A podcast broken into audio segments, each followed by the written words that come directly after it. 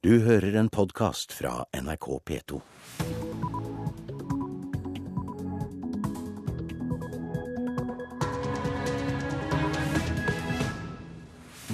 Og nå blir det Nyhetsmorgen i P2 og Alltid nyheter. Øystein Heggen er programleder i dag.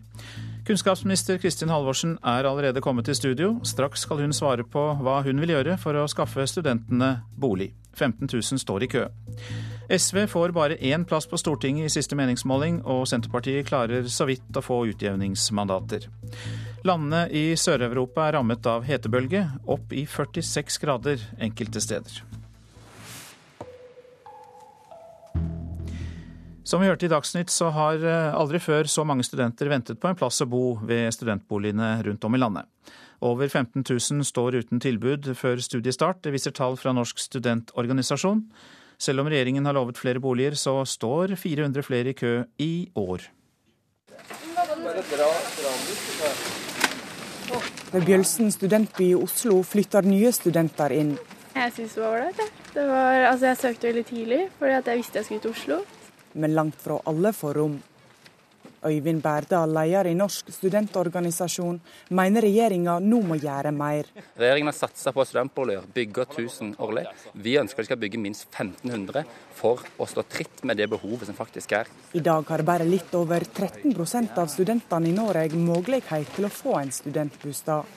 Bare i Oslo står 4200 studenter uten tilbud. Styreleder i Studentsamskipnaden Marianne Høva Rusbergård er uroa. Før så kunne vi jo si hold fast utover høsten, så kanskje det åpner seg opp.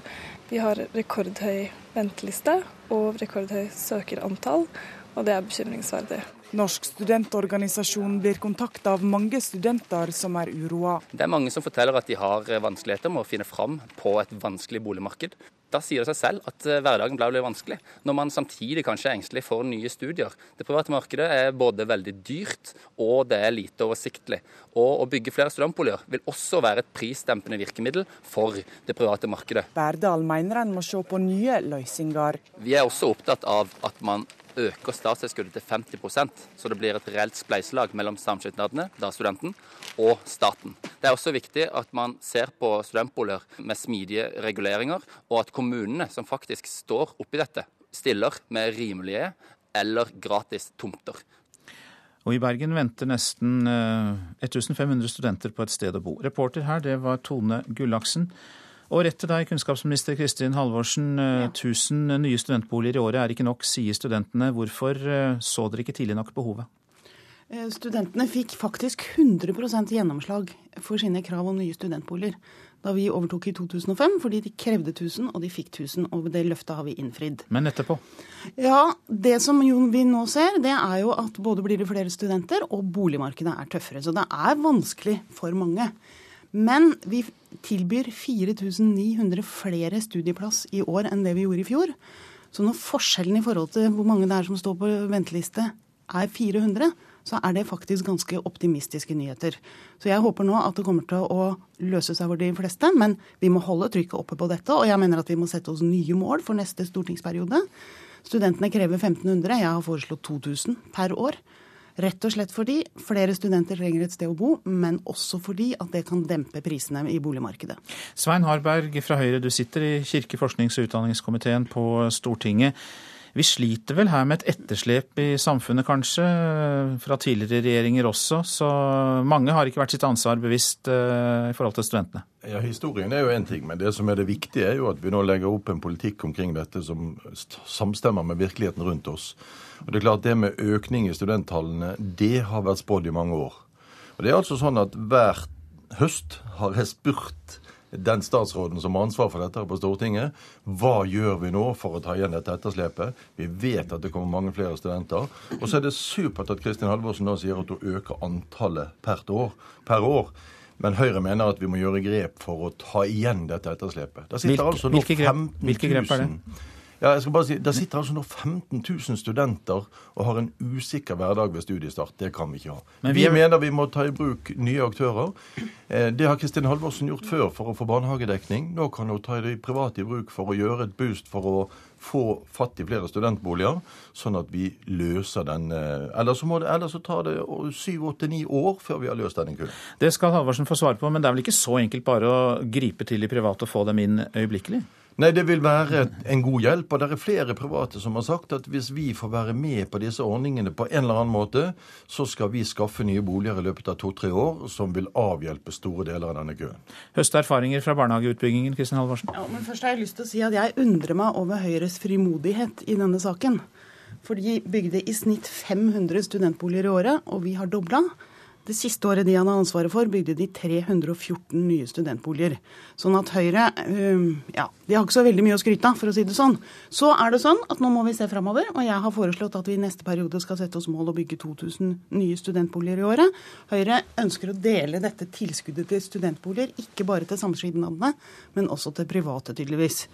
Og det må jeg si jeg undrer meg over, fordi vi har en studentstyrt studentvelferd. Og det betyr at de som betaler husleie på studenthyblene, de er en non-profit-opplegg. Og det betyr at det er med på, i den grad det bidrar til noe annet, så er det til andre velferdsordninger for Ja, men- studenter. Og det, det er jo ikke noe rart at det sitter noen private nå og gnir seg i hendene og gjerne vil ha tak i disse pengene.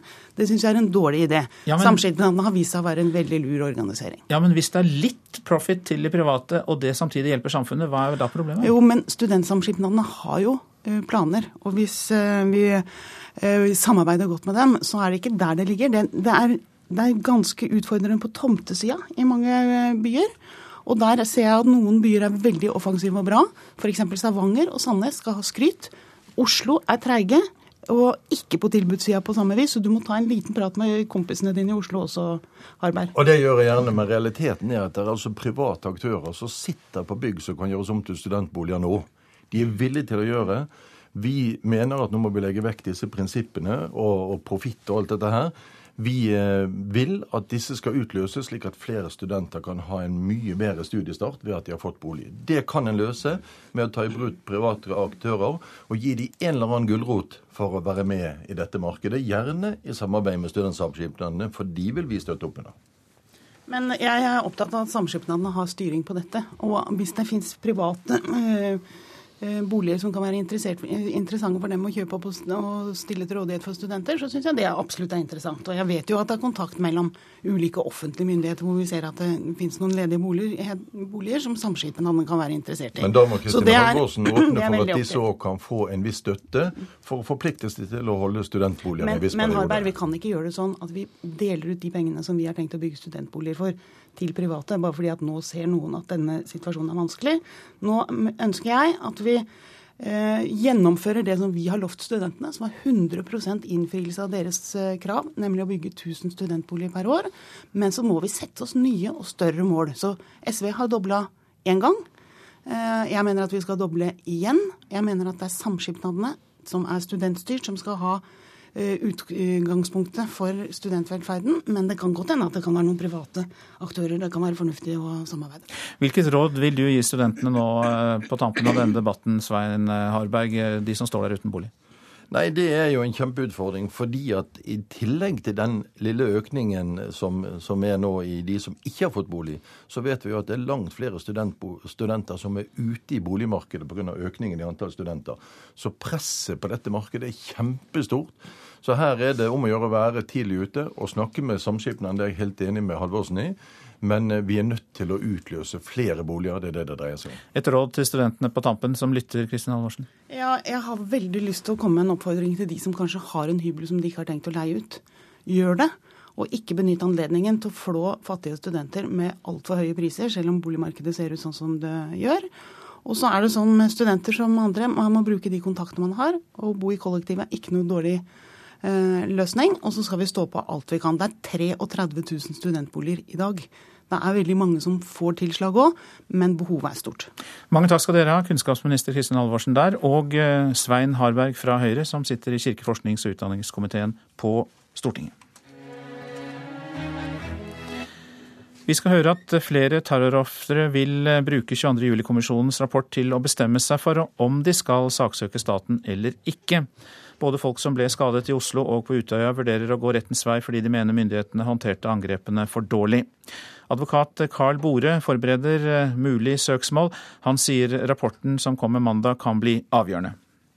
Det vil kunne ha veldig stor betydning for å avgjøre om staten har gjort det den skal gjøre i sånne situasjoner, eller om våre klienter vil kunne nå frem med et erstatningssøksmål. Kommisjonens mandat er å kartlegge alle relevante sider ved hendelsesforløpet, få fakta på bordet, usminket og ærlig. En sommerdag ved statsministerboligen i fjor. Et enormt granskningsarbeid settes i gang av Jens Stoltenberg. En jakt på fakta og dokumentasjon.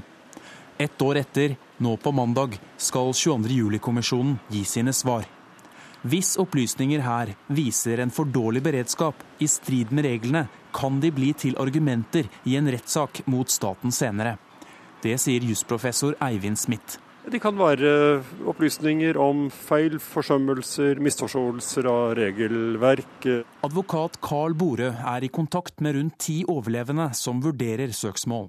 De vil følge nøye med på mandag. Det sentrale vil jo være å få klarlagt hva som har skjedd, hvordan personer har handlet, hvilke handlingsalternativer som forelå, og om man har forholdt seg til instrukser og regler som, som foreligger. Dette gjelder bl.a. gjennomføringen av redningsoperasjonen på Utøya, men også ting som helikopterberedskap og, og trafikkgjennomgang på regjeringskvartalet. Det er delte meninger blant overlevende og etterlatte om det er riktig å saksøke staten eller ikke. Regjeringsadvokaten, som vil forsvare regjeringen hvis den blir saksøkt, vil ikke kommentere saken. Og Reportere her, det var Haldor Asvald og David Krekling. Du lytter til Nyhetsmorgen. Klokka den går mot kvart over sju. Dette er hovedsaker. Rekordmange studenter venter på studentbolig. Over 15 000 har ikke fått tilbud. Flere terrorofre vurderer om de skal gå til sak mot staten, som vi hørte. Årsaken er at de mener myndighetene kan ha håndtert angrepene for dårlig.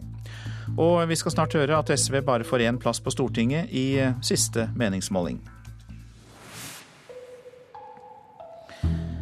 For hvis det var valg i dag, så ville de altså bare fått én plass på Stortinget, SV, og Senterpartiet ville så vidt ha fått nok utjevningsmandater, fått utjevningsmandater.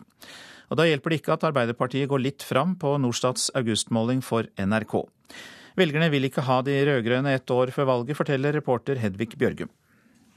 Høyre og Fremskrittspartiet ville hatt rent flertall på Stortinget hvis det var valg nå. Og Høyre-leder Erna Solberg ville hatt høyest oppslutning av de blå, med fem færre mandater enn Arbeiderpartiet i stortingssalen. Det har vært klart og tydelig ønske om regjeringsskifte, men det skal vi jobbe hardt for å holde på fremover. Er du litt redd for at det har formtoppen på feil tid, altså når det ikke gjelder? Jeg er ikke redd for det. Det jeg er mest redd for er at noen i Høyre eller andre kan tro at dette går av seg selv. Det gjør det ikke. Alle er nødt til å jobbe det neste året. Dersom det var valg i dag, ville det rød-grønne prosjektet gått i stå, og det til tross for fremgang for Arbeiderpartiet. Senterpartiet er så vidt over sperregrensen på 4% mens SV er under, etter nedgang på 1 prosentpoeng. Partisekretær Raymond Johansen i Arbeiderpartiet må vise resultater for å snu en trend. Vi håper at de nå får vind i seilene, og gjennom å vise resultater at alle de tre partiene kommer til å gå fram. De rød-grønne ville bare hatt en tredel, eller 37% av plassene i Stortinget, var det valg nå. SV-leder Audun Lysbakken innrømmer at det er et problem. Vi har ligget stabilt på dette nivået i ca. et år, så det er ikke noe dramatikk i denne målingen. Men nivået er jo for lavt, og det er den store utfordringen vi har fram til neste valg, september 2013. Det er den målingen som virkelig teller, å snu den tendensen. Klarer vi ikke det, så får Høyre og Fremskrittspartiet makten. Opposisjonen av Høyre, Fremskrittspartiet, Venstre og Kristelig Folkeparti har ifølge dagens meningsmåling 63% av mandatene i Stortinget. Ketil Solvik-Olsen i Fremskrittspartiet er på regjeringsjakt. Det er et flertall som vi bør bruke til å sørge for at vi får en borgerlig regjering med Frp og Høyre. Vi bør fortsatt invitere inn KrF og Venstre for å få til et bredt samarbeid. Jeg tror det vil være godt å få alle fire partiene til å samarbeide solid i Stortinget. Men Venstre og KrF vil jo ikke være med hvis de kan være med? Det tror jeg fortsatt gjenstår å se. Fordi dette handler om hvilke posisjoner en faktisk kan få. Det mente Ketil Solvik-Olsen fra Frp, og reportere her Astrid Randen, Ellen Sporstøl og Hedvig Bjørgum. Professor i mediesosiologi ved NTNU, Toril Aalberg, du er med oss fra Trondheim. SV sier de vil mobilisere venstresiden før valget. Hvilke tiltak må SV sette inn for å bedre oppslutning? Nei, Det handler jo om å være veldig tydelig på, på sine seire, som de eh, så vidt nevnte. Og de har jo et veldig stort potensial til å eh, mobilisere tilbake folk som i utgangspunktet har, har satt seg på vent. Altså Det er over 30% av dem som stemte SV i 2009, som nå sier at de ikke er sikre på hva de skal stemme. Så det er et potensial. Når det gjelder Arbeiderpartiet, så håper jo de å synliggjøre saker, de også, for å trekke flere velgere. Hvilke saker tror du det er viktig å sette fokus på for dem? Nei, altså Allerede så ser vi jo at de prøver å kjøre opp mot uh, om velferdsstat og, uh, og, saker som tradisjonelt er viktige, og kjøre fram mot, uh, en, mot en blå-blå regjering, som de kaller det. Hvilke alternativer finnes for eh, Arbeiderpartiet, og da tenker jeg da regjering, dersom SV nesten forsvinner og Senterpartiet blir svekket? Nei, altså Arbeiderpartiet har jo også regjert alene tidligere, og det har jo også vært diskutert i offentligheten andre mulige konstellasjoner. altså KrF f.eks., som man her i Trondheim har nå erfaring med at Arbeiderpartiet og KrF samarbeider i et flertall.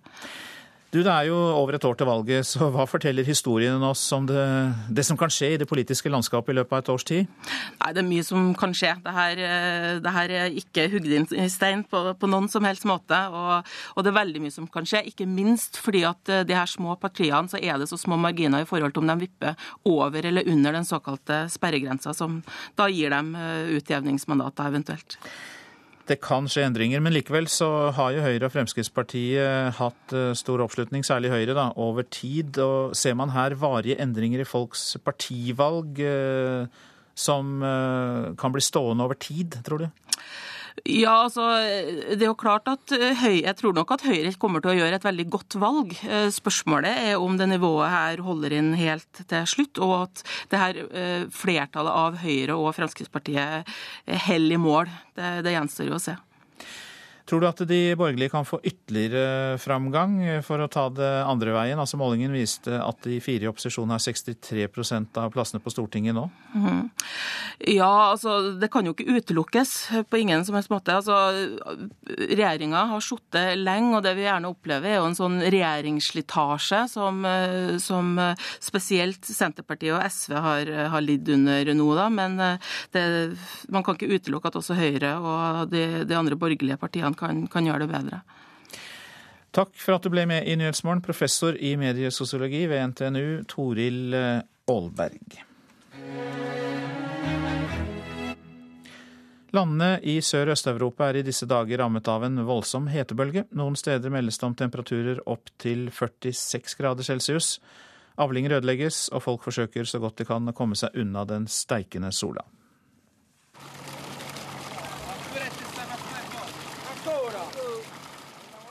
Det er folksomt rundt de mange fontenene i Roma. Innbyggerne og turistene kjøler seg litt ned i det rislende vannet. I Italia har de høyeste temperaturene blitt målt på Sicilia. Der viser termometerne 44 grader. Men varmest har det trolig vært i Serbia, der det ifølge det statlige fjernsynet er målt 46 grader.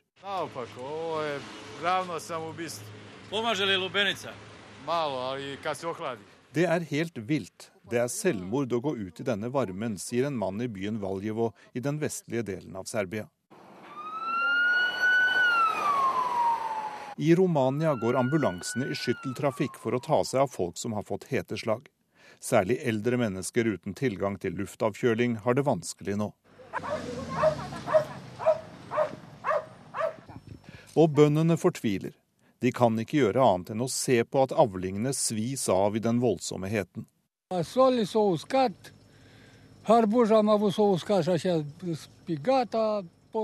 Se på bønnene, agurkene og maisen. Det er ødelagt alt sammen, sier denne rumenske bonden. Og meteorologene kan ikke gi folk særlig trøst. Temperaturen stiger dag for dag. Det kan bli 42 grader, kanskje enda mer, sier denne meteorologen i Romania. For oss i Norge kan det være vanskelig å forstå, Men mange i Sør- og Øst-Europa ville nok gjerne bytte til seg vår norske sommer akkurat nå. Sa reporter Jan Espen Kruse. Og vi tar med at minst to mennesker har omkommet som følge av styrtregn, flom og et kraftig snøfall i Sør-Afrika. Det er den sørøstlige delen av landet som er blitt rammet av uværet de siste dagene. Snøen førte til at hovedveien mellom Johannesburg og Durban i en periode ble stengt, og strømmen har vært borte i store områder. Nå eh, OL. Olympiatoppen eh, tar imot eh, Eirik Verås, Verås Larsen med åpne armer. Gullpadleren har riktignok bestemt seg for å legge opp, men i tillegg til sine fire olympiske medaljer, så har 36-åringen fra Flekkefjord en idrettsakademisk utdannelse. Og det er en uslåelig kombinasjon, sier toppidrettssjef Jarle Ombø. Han har den blandinga mellom både teoretisk og akademisk kompetanse og fantastisk egen erfaring. Og det er ikke mange utøvere som har en så sterk kombinasjon som det. Norske champagnekorker prega luftrommet over London i går etter nok en olympisk superprestasjon av Eirik Verås Larsen. Olympiatoppen har vært utrolig viktig i den uh, gullmedaljen her. 36-åringen hylla Olympiatoppen for støtta i oppkjøringsperioden til det som ble et råsterkt OL-gull. Eirik Verås Larsen har kombinert alle treningstimene med å ta hovedfag i idrett ved idrettshøgskolen. At Olympiatoppen nå omtrent tilbyr han jobb, er kjekt. Ja, Det er jo kjempebra. Det er også de signalene jeg har fått, uh, fått tidligere, eller for flere år siden. Uh, men vi har liksom lagt selvfølgelig alt, uh, alt på is, så, så, det er veldig kjekt. Vil du sjøl ha en rolle i Olympiatoppen? Jeg syns absolutt det er en, en, veldig spennende plass å, å få lov å arbeide. og det er utrolig gøy å arbeide med noen en er flink til og noen har kunnskap om, og det føler jeg jeg har om, eh, om toppidrett. Eirik Verås Larsen til reporter Ole Rolfsrud. Og presserunden starter også med Eirik Verås Larsen. For eh, her starter OL-drømmen, leser vi i Aftenposten.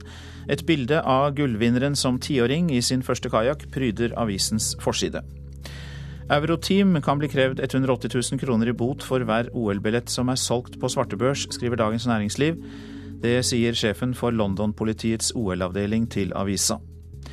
Det er håp for norsk laks i Kina, får vi vite i Adresseavisen. I går var kinesiske kokker og journalister på besøk på Frøya i Sør-Trøndelag. Det er positivt, sier næringsminister Trond Giske. Lille Sebastian er på førstesiden av Bergens Tidende, for han ble født elleve dager for seint til barnehageplass. Er barnet født før 1.9, har barnet krav på barnehageplass i august året etter. Men er barnet født etter 1.9, kan det gå et helt år ekstra før barnehageporten åpner seg. Et krater etter rasert matjord i Buskerud er avbildet på Dagsavisens forside. Ekstremvær skylte vekk 500 år gammel matjord og raserte fruktmarkene til Petter Hegstad i Fiskum. 22. juli-rapport endrer lite, sier historieprofessor Tore Grønli til Vårt Land. Grønli mener at Norge er på vei tilbake til normalen, og at strukturene i norsk politikk og samfunn er for tunge til at 22. juli-evalueringen får noen stor effekt. Støre nekter å forhandle, leser vi i Klassekampen. UD vil ikke forhandle med fagforeningen for de 1000 lokalt ansatte ved norske ambassader. Vi har ikke noe avtaleverk og er helt avhengige av den lokale ambassadør, sier Odd Bjørvik. Han er vaktmester ved den norske ambassaden i London. Sykepleier ruset seg på nattevakt, er oppslaget i Nordlys. Et sykehjem i Tromsø oppdaget svinn i medisinbeholdningen. En sykepleier er nå tiltalt for at hun stjal medisin og brukte morfin på nattevakt. 25 av 27 politidistrikter mangler politifolk, er oppslaget i Nasjonen. I Hordaland trenger politimesteren å øke staben med 50% for å nå målet som er satt for dekningsgraden i 2020. VG og Dagbladet omtaler forsvinningssaken i Oslo på sine førstesider. De har snakket med henholdsvis søsteren og tanten til den savnede Sigrid Giskegjerde Skjetne.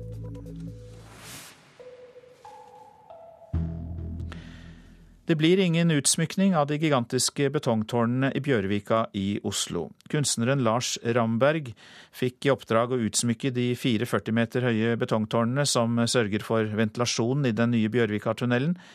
Men eh, fire år etter at han vant konkurransen, har Statens vegvesen sagt endelig nei til kunstverket.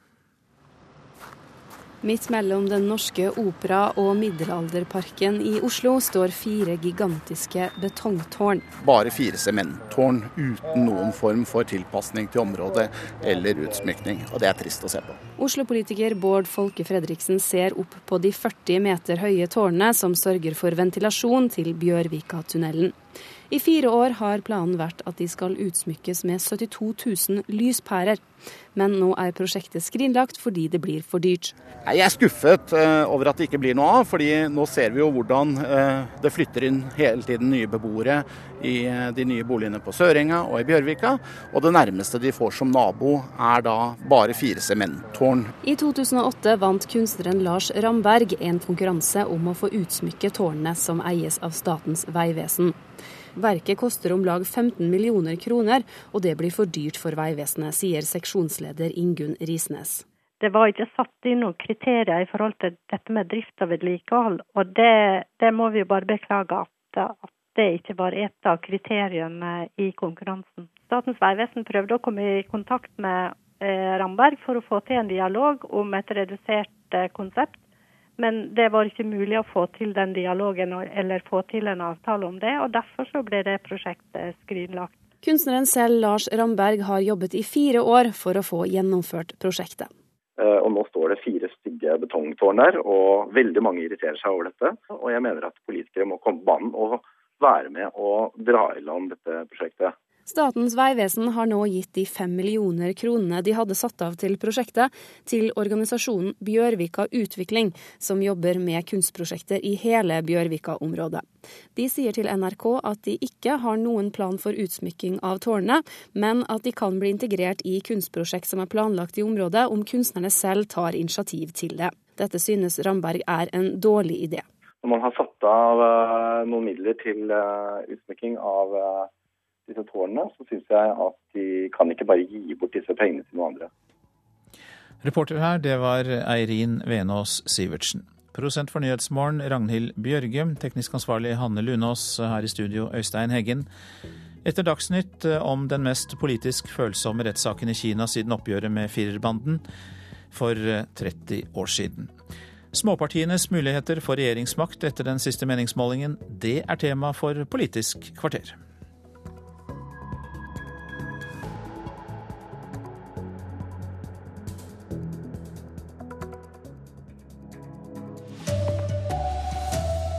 Mer enn 15 000 står i kø for å få studentbostad. Folket vil ha blått flertall i Stortinget, viser NRKs partimåling. Og Sør-Europa opplever ekstremvarme, temperaturer godt over 40 grader. God morgen, her er NRK Dagsnytt, klokka er 7.30.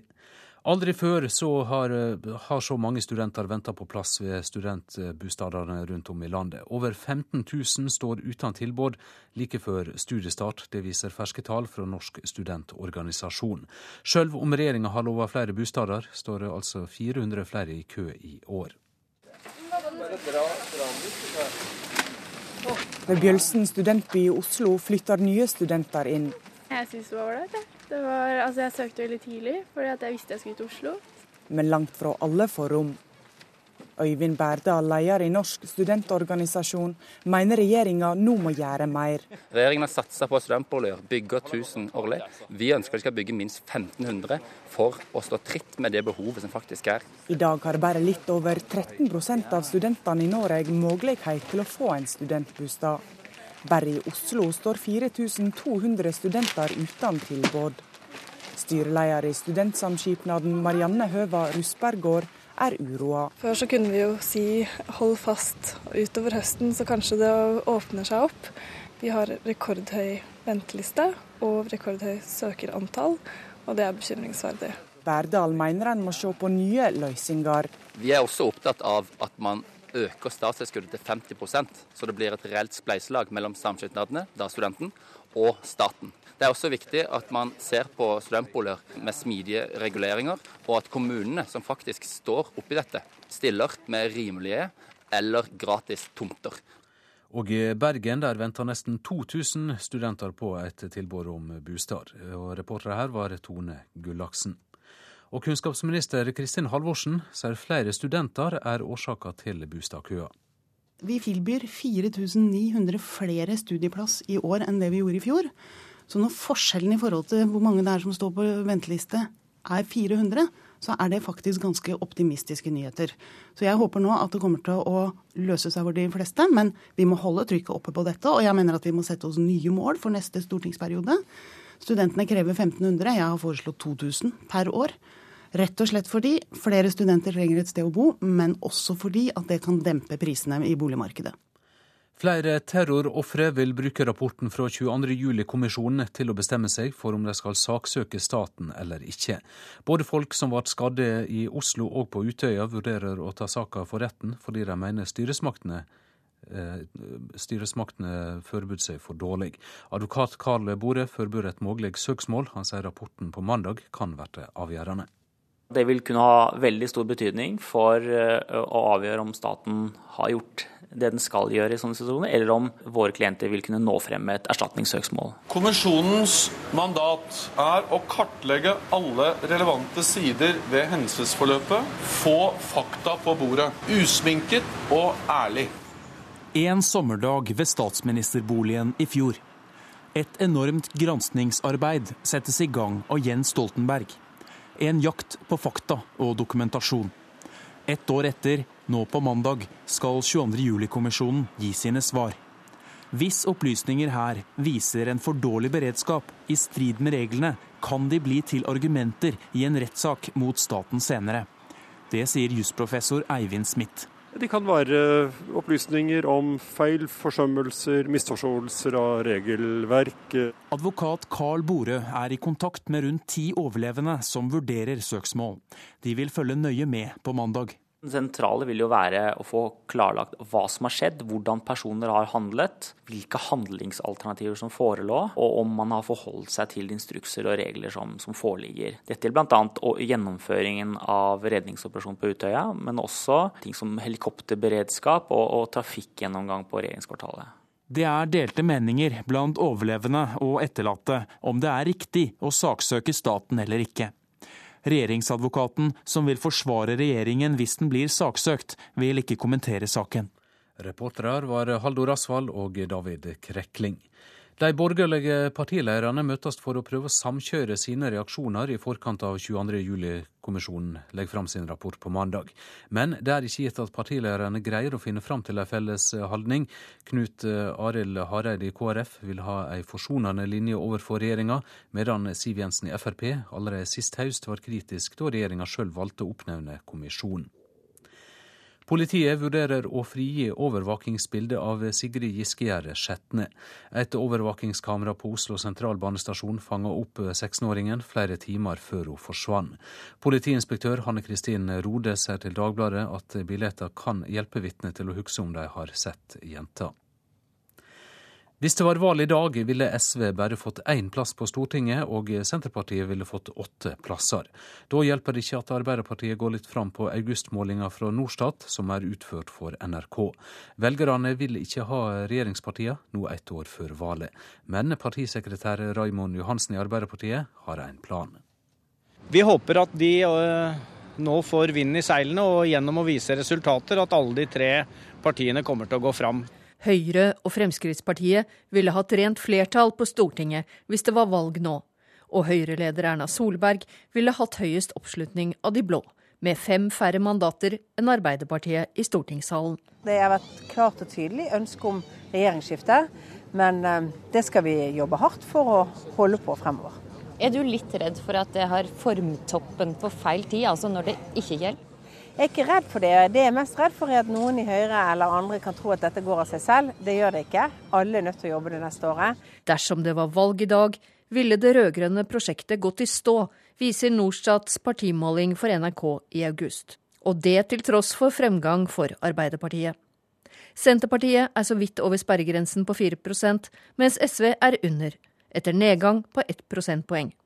SV-leder Audun Lysbakken innrømmer at det er et problem. Vi har ligget stabilt på dette nivået i ca. et år, så det er ikke noe dramatikk i denne målingen. Men nivået er jo for lavt, og det er den store utfordringen vi har fram til neste valg. September 2013. Det er den målingen som virkelig teller. Å snu den tendensen. Klarer vi ikke det, så får Høyre og Fremskrittspartiet makten. Reportere her var Hedvig Bjørgum og Astrid Randen. Landa i Sør- og Øst-Europa er i disse dager ramma av ei voldsom varmebølge. Noen steder blir det meldt om temperaturer opptil 46 grader. Avlinger blir ødelagt, og folk prøver så godt de kan å komme seg unna den steikende sola.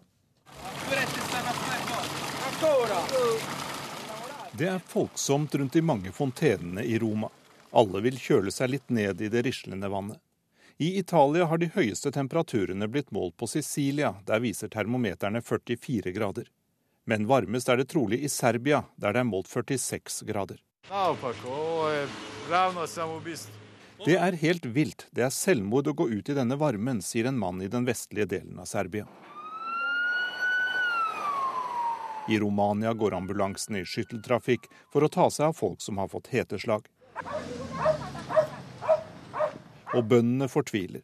De kan ikke gjøre annet enn å se på at avlingene svis av i den voldsomme heten. Se på bønnene, agurken og maisen. Alt er ødelagt, sier denne rumenske bonden. Og meteorologene kan ikke gi særlig trøst. Temperaturen stiger dag for dag. Det kan bli mer enn 42 grader, sier denne meteorologen i Romania. For oss i Norge kan det være vanskelig å forstå, men mange i Sør- og Øst-Europa ville nok gjerne bytte til seg vår norske sommer akkurat nå. Ja, Det sa reporter Jan Espen Kruse. Og i London sto jubelen og champagnen i taket da padleren Eirik Verås Larsen feira OL-gullet i natt. Det ble full feiring av Norges første gull under OL i London i går kveld, da Eirik Verås Larsen var samla med familie, venner og supportere på den norske ambassaden. 36-åringen avslutta karrieren med OL-gull, og var klar for en storslagen feiring. Nei, nå blir det jo å bli med disse andre gutta som eh, har vært i London noen dager og vet hvor det skjer. Så eh, jeg tror nok det blir godt, tatt godt vare på. For flere av de norske utøverne som har vært i aksjon i OL, er fortsatt i London. Og i natt var de med for å hedre Norges foreløpig eneste gullvinner. Ja, det er gøy. Det er veldig morsomt å se en del av de andre idrettsutøverne som fremdeles er igjen og er her. Og jeg gleder meg veldig til å feire med de nå etterpå. Og selv om Verås Larsen hadde et kanonløp i kroppen, skulle det også kjøres bånn gass i natt. Ja, det skal vi absolutt. Eh, så vi får eh, mingle litt her først, og så drar vi nok videre til eh, tøffere steder. Og reporter i London var Simen Sveen. Ansvarlig for denne sendinga er Sven Gullvåg, teknisk ansvarlig Hanne Lunås, og i studio Odd Christian Dale.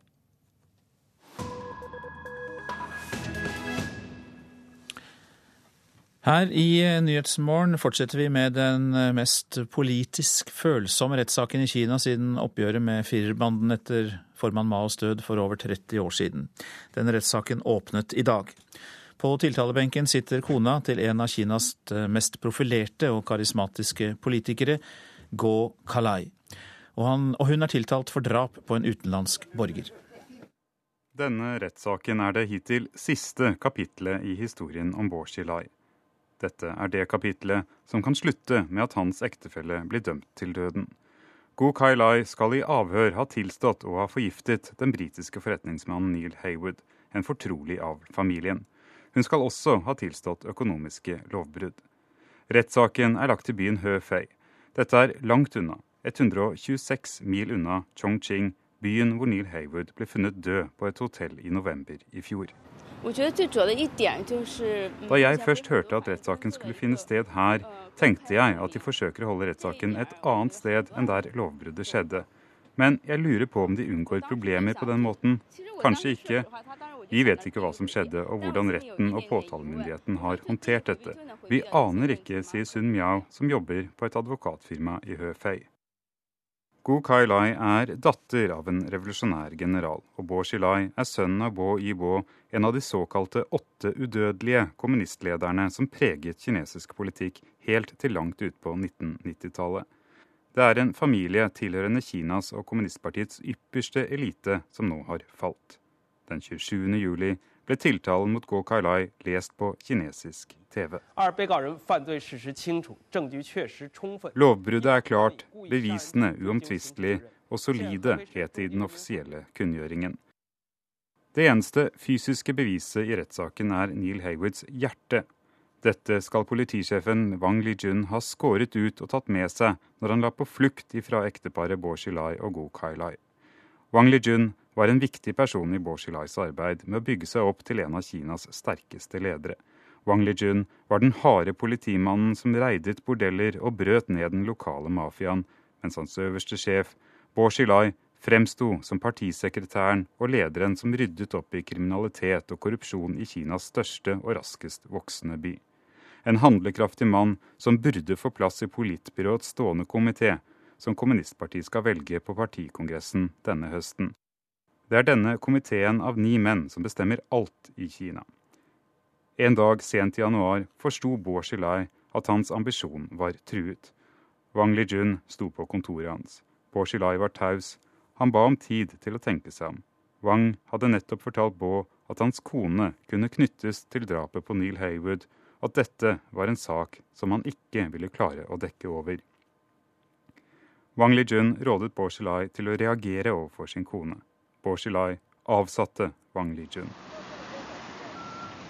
Noen dager senere sitter Wang Lijun i det amerikanske konsulatet i Chengdu. Han sier hans liv er i fare, og han ber angivelig om asyl. Til slutt blir Wang Lijun overlevert til de sentrale sikkerhetsmyndighetene i Beijing. Bo Xilai blir i mars suspendert ifra sine verv og hans kone arrestert. Tidlig i saken fortalte kilder i politiet at Neil Haywood skal ha forlangt en større andel av pengebeløp som han hjalp ekteparet med å flytte til utlandet. Men tiltalen som nå vil bli lagt frem i retten, hinter i en retning av et mer personlig motiv for drapet. Noe som vil gjøre det lettere for myndighetene å unngå altfor mye offentlighet om finansene til familier høyt oppe i det kinesiske makthierarkiet. Sa reporter Philip Lote, og to britiske diplomater har fått tillatelse til å følge rettssaken. Og til Gå Go Kailai og politikerektefellen Bo Shilai er fremdeles under etterforskning. Dette er Nyhetsmorgen. Vi har disse hovedsakene. Rekordmange studenter venter på studentbolig. Over 15 000 har ikke fått tilbud. Flere terrorofre vil bruke 22.07-kommisjonens rapport til å vurdere om de skal saksøke staten, fordi de mener myndighetene håndterte angrepene for dårlig. Og Sør-Europa opplever ekstremvarme. Temperaturer godt over 40 grader celsius. Nå Politisk kvarter, og dagens meningsmåling for NRK viser at SV er langt under sperregrensen, programleder Bjørnbø. Ja, alle småpartier har det vanskelig, men mest utsatte akkurat nå er småsøsknene i regjeringa. Likevel ønsker småparti både i regjering og opposisjon å være avgjørende for utfallet av kampen om regjeringsmakta.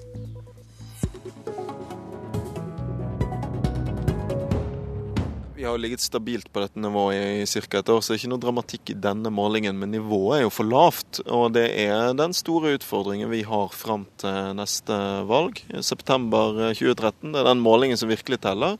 Å snu den tendensen. Klarer vi ikke det, så får Høyre og Fremskrittspartiet makten. SV-leder Audun Lysbakken om dagens meningsmåling, som syner 3,2% for SV. Nå er du med oss, partisekretær Silje Skei Tveitdal. I hva mon tolker du dette som at velgerne mener SV har blitt uinteressant som filial for Arbeiderpartiet? Jeg tror ikke velgerne ser på som uinteressante, men jeg tror eh, de kanskje har vært for utydelige hva som er våre politiske ambisjoner eh, i regjeringen. Det er vår hovedoppgave framover nå, å være tydelig på de politiske prosjektene vi vil gjennomføre i miljøpolitikken, i fordelingspolitikken. Og med referanse til det vi hørte på Dagsnytt tidligere i dag, sikre unge muligheten til å kjøpe seg en bolig, selv om ikke de har rike foreldre i ryggen. Så Vår ambisjon nå er å gjøre et langt bedre valgresultat enn det denne målinger og andre målinger har vist, ved å være tydelig på den, de politiske prosjektene vi vil gjennomføre. Du var så vidt inne på det, men hvordan kan det gjøre dere lekre politisk for å samle nok styrke til å berge det hardt pressa rød-grønne prosjektet, profilere dere sjølve og samtidig være en del av prosjektet? Ja, Det er den strategien vi jobber med nå. Og, som vi også hørte på Dagsnytt eh, tidligere i dag, så har vi potensialet for et langt bedre valgresultat enn, en de målingene vi har sett i det siste. Ja, men nå er nå. Og leder i Kristelig Folkeparti, Knut Arild Hareide, du får 5% på dagens måling. Når meningsmålinga syner flertall for Høyre og Fremskrittspartiet, da er gjerne også ditt parti uinteressant med tanke på regjeringsskiftet neste høst? Ja, Dette er en meningsmåling. Jeg tror at når vi kommer til valget i 2013, så vil alt tyde alt på at sentrum kommer til å spille en avgjørende rolle. Vi hadde meningsmålinger tidligere som, som viste tydelige flertall på den ene og andre retning. Vi så ved valget i 2005, ved valget i 2009, at det ble veldig jevnt. Det tror jeg òg det kommer til å bli i 2013. Det jeg opplever nå som et tydelig signal fra velgerne, er at de ønsker et regjeringsskifte. Og skal vi få til det regjeringsskiftet, så tror jeg det blir helt avgjørende at både Venstre og KrF gjør gode valg. Og i alle fall i nærheten av det vi greide ved, ved forrige valg. Når du ivrer for regjeringsskifte, Hareide, i hva grad er det rett og slett fremdeles slik at det er SVs regjeringsposisjon som gjør at du har den holdninga? Ja, Det er ikke tvil om at den politiske forskjellen mellom KrF og SV i en del politiske saker er til stede. Det, det er viktige verdisaker. Eksempelvis så snakker SV i dag om, om, om boligspørsmålet. Og tenker på unge som skal inn i boligmarkedet. Så har altså da denne regjeringa satt opp ei 15 %-grense, som sier at vi må ha en egenkapital på 15% for å få lån. Det syns bankene ikke er fornuftig. Eh, det mener mange økonomer er ikke fornuftig. Mm. Det gjør at du er nødt til å ha rike foreldre for å kunne komme inn på dagens boligmarked. Det, er et eksempel. Jeg kunne snakket om fattigdom, som var den mm. saken eh, regjeringa sa de gjorde at vi trengte et skifte i 2005. På det området så har ikke det skjedd noen ting. Derfor så trenger vi et skifte. Eh, vi trenger òg, syns jeg, mer private, frivillige aktører mm. som kan spille en større rolle. Skei Tveital, hvor viktig er det for SV å holde oppe politiske motsetninger til Kristelig Folkeparti når det tenker fram mot valget? Vi er mest opptatt nå av fokus på egen politikk. Eh, og på flere av de sakene Knut Arild Hareide nå nevner, er vi jo eh, helt på linje. Og jeg har liten forståelse for at han tror han skal få til dette med en, med en regjering styrt av Høyre og Fremskrittspartiet. Men, ja, men han, han, han, han syns det er farlige?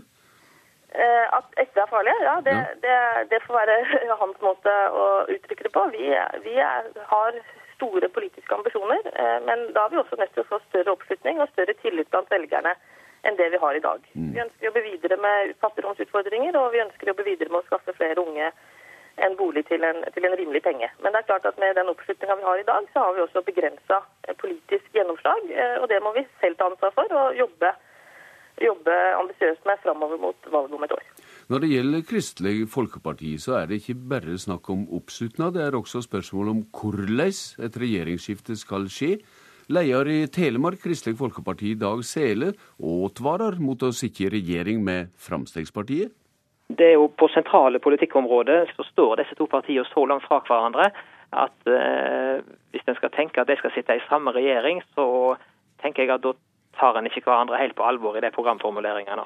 Du sier altså nei til regjering der både KrF og Fremskrittspartiet sitter. Er ikke du redd for at det vil gjøre det borgerlige alternativet mindre troverdig ved stortingsvalget neste år?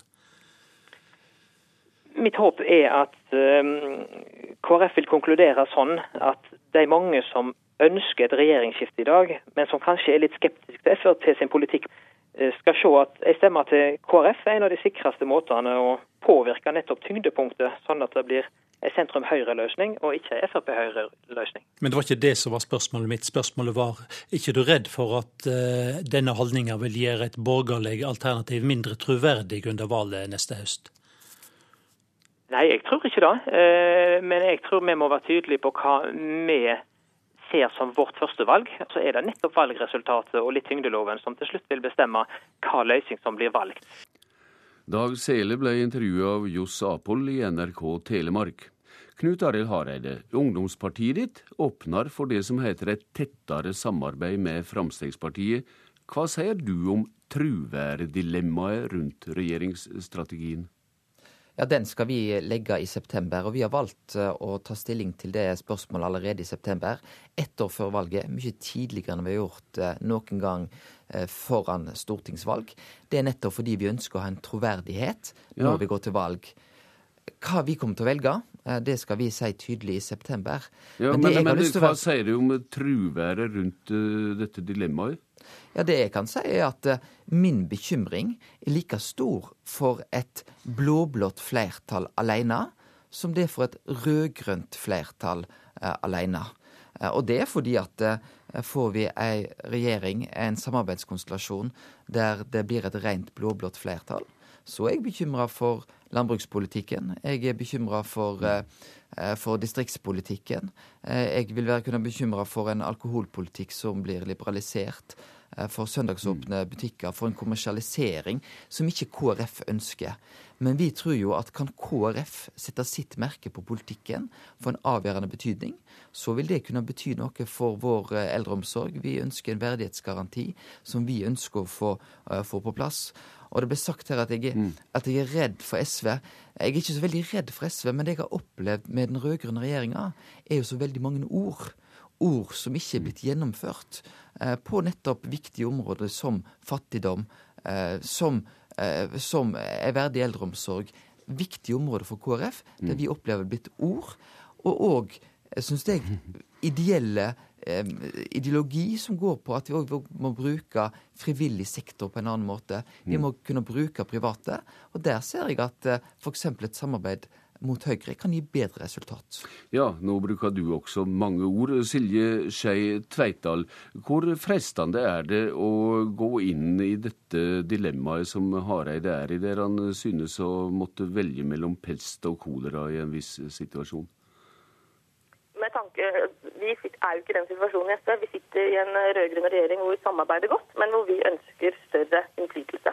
Og Det er nettopp derfor vi ønsker eh, å videreføre det regjeringssamarbeidet med et styrka SV, som gjør at vi får gjort mer innenfor fordeling, at vi får gjennomført en enda mer offensiv klimapolitikk, og får gjennomført enda mer av den politikken som vi jobber med nå i vårt uh, nye forslag til arbeidsprogram. Uh, så jeg ser ikke det samme dilemmaet, men jeg ser at vår absolutte hovedutfordring er jo å være så tydelig på politikken at vi får vunnet tilbake mange av de velgerne som nå sitter på gjerdet. Parolen fra Kristelig Folkeparti Knut Arild Hareide har vært at en ikke vil ha med fløyene SV og Frp å gjøre, som du nettopp var inne på sjøl. Men det kan vel ikke late som det er mulig å komme rundt Frp? Nei, eh, vi er nødt til å ta stilling Samme til det. Samme om Høyre og Frp har flertall eller ikke?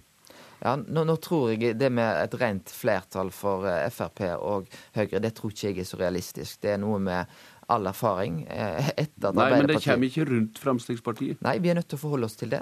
Det er vi nødt til å ta, eh, ta stilling til. Men så har jeg også lyst til å si at det, er mye fokus på, på, de store partiene. Vi skal være klar over at eh, sentrum, de mindre partiene, har spilt en veldig viktig rolle i mange saker. Tar vi miljøsaken f.eks., så ser vi at det er de mindre partiene som har vært de radikale, progressive på det området. Hvis du ser EU-spørsmålet, så vil jo eh, de store partiene at Norge skulle vært med i EU. Eh, de ønsket at vi skulle vært en del av nesten den eurokrisen vi har i dag. Mhm. Der har de mindre partiene valgt en løsning som har vært både populær, og som det norske folket er helt enig i. En av de mest populære regjeringene vi hadde, det var Bondevik I-regjeringene. De bestod av tre mindre partier. Men likevel så ble det en av de mest populære regjeringene vi har hatt så langt. Skei Tveitdal, i hva mon er det truverdig for dykk både å holde front mot Kristelig Folkeparti politisk, og samstundes advare Kristelig Folkeparti mot å leke med Fremskrittspartiet? Ja, vi vil jo advare alle vi mot å gi eh, Frp makt i Norge. For de er de som ligger absolutt lengst unna den politikken SV står for. Og hvis eh, KrF nå i september bestemmer seg for å gjøre det, så vil jo vi advare velgerne mot å stemme på partier som vil sikre Fremskrittspartiet stor innflytelse i det norske samfunnet. Mm. Takk til dykk, Silje Skei Tveitdal fra SV og Knut Arild Hareide fra Kristelig Folkeparti, som her representerte de små partiene som har det tungt. Og nå spør jeg deg, Toril Aalberg, professor ved NTNU i Trondheim og valekspert. Eh, hvor slitsomt vil du si at småpartiet har det på meningsmålingene? Nei, det er klart at eh, de har nok hatt netter hvor de har sovet bedre, for å si det sånn. Det, det, er ikke gøy å være et parti som er, ligger rett over den såkalte sperregrensa, eller for så vidt rett under også, som, som SV nå opplever. Hva kommer dette av at eh, velgerne oppfører seg som de gjør, tror du? Nei, altså det, det, er jo et stort spørsmål. Eh, og det er jo, det er jo flere måte, faktorer som har leda til den situasjonen vi har havna i, i, i dag. Eh, den her litt sånn polariseringa som vi ser, altså tendensen til at Arbeiderpartiet og, og Høyre, liksom, de, de, store partiene, har blitt større, skyldes nok flere ting. Eh, at Arbeiderpartiet har, har, vokst litt på bekostning av, av SV f.eks., handler nok bl.a. om at SV har opplevd en større grad av regjeringsslitasje enn det Arbeiderpartiet har gjort. Mens det har vært andre forhold på, på den borgerlige sida som har gjort at uh, bl.a. Venstre gikk kraftig ned i 2009 og, og, og gjør det fremdeles, og, og KrF bl.a. I hva grad er det rett og slett slik at de store partiene har lykkes med polarisering fordi de på en måte greier å framstille det som at de øh, representerer alternativ? Ja, det kan du si. Altså, vet, altså, I forhold til Arbeiderpartiet så vet jeg ikke om de framstår som et alternativ, men det som på en måte har vært Arbeiderpartiets uh, vinneroppskrift, i den forstand man kan kalle det, er jo at de har vært veldig tydelige, og at den her såkalte kjøttvekta har vært større der, sånn at man har fått trumfa gjennom en del av den politikken. Og så har man jo også da i det aller siste året oppnådd stor troverdighet i, i måten man har håndtert uh, situasjonen på.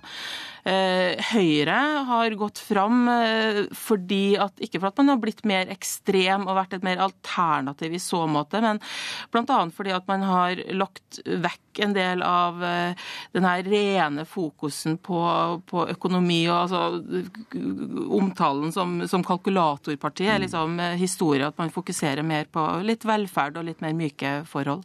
En slags svensk modell der, men i hva mon er det mer SVs styrke enn Kristelig Folkepartis styrke som avgjør flertallet i stortingsvalget neste år, og dermed kanskje kampen om regjeringsmakta? Nei, altså Det er vanskelig å si. Det er jo ikke, det er jo ikke ett parti som vil avgjøre valget.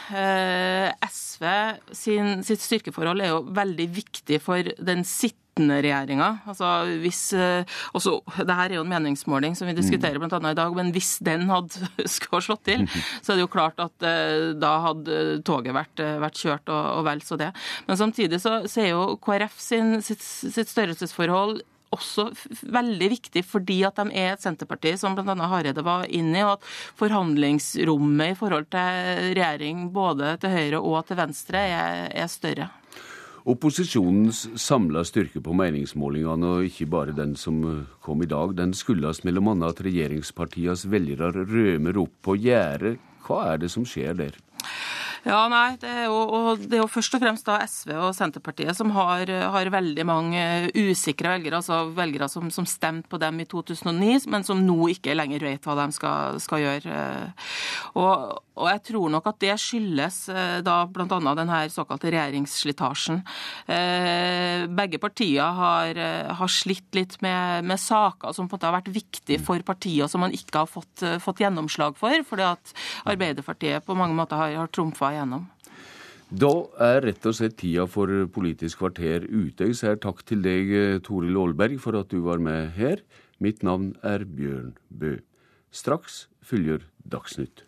Du har hørt en podkast fra NRK P2.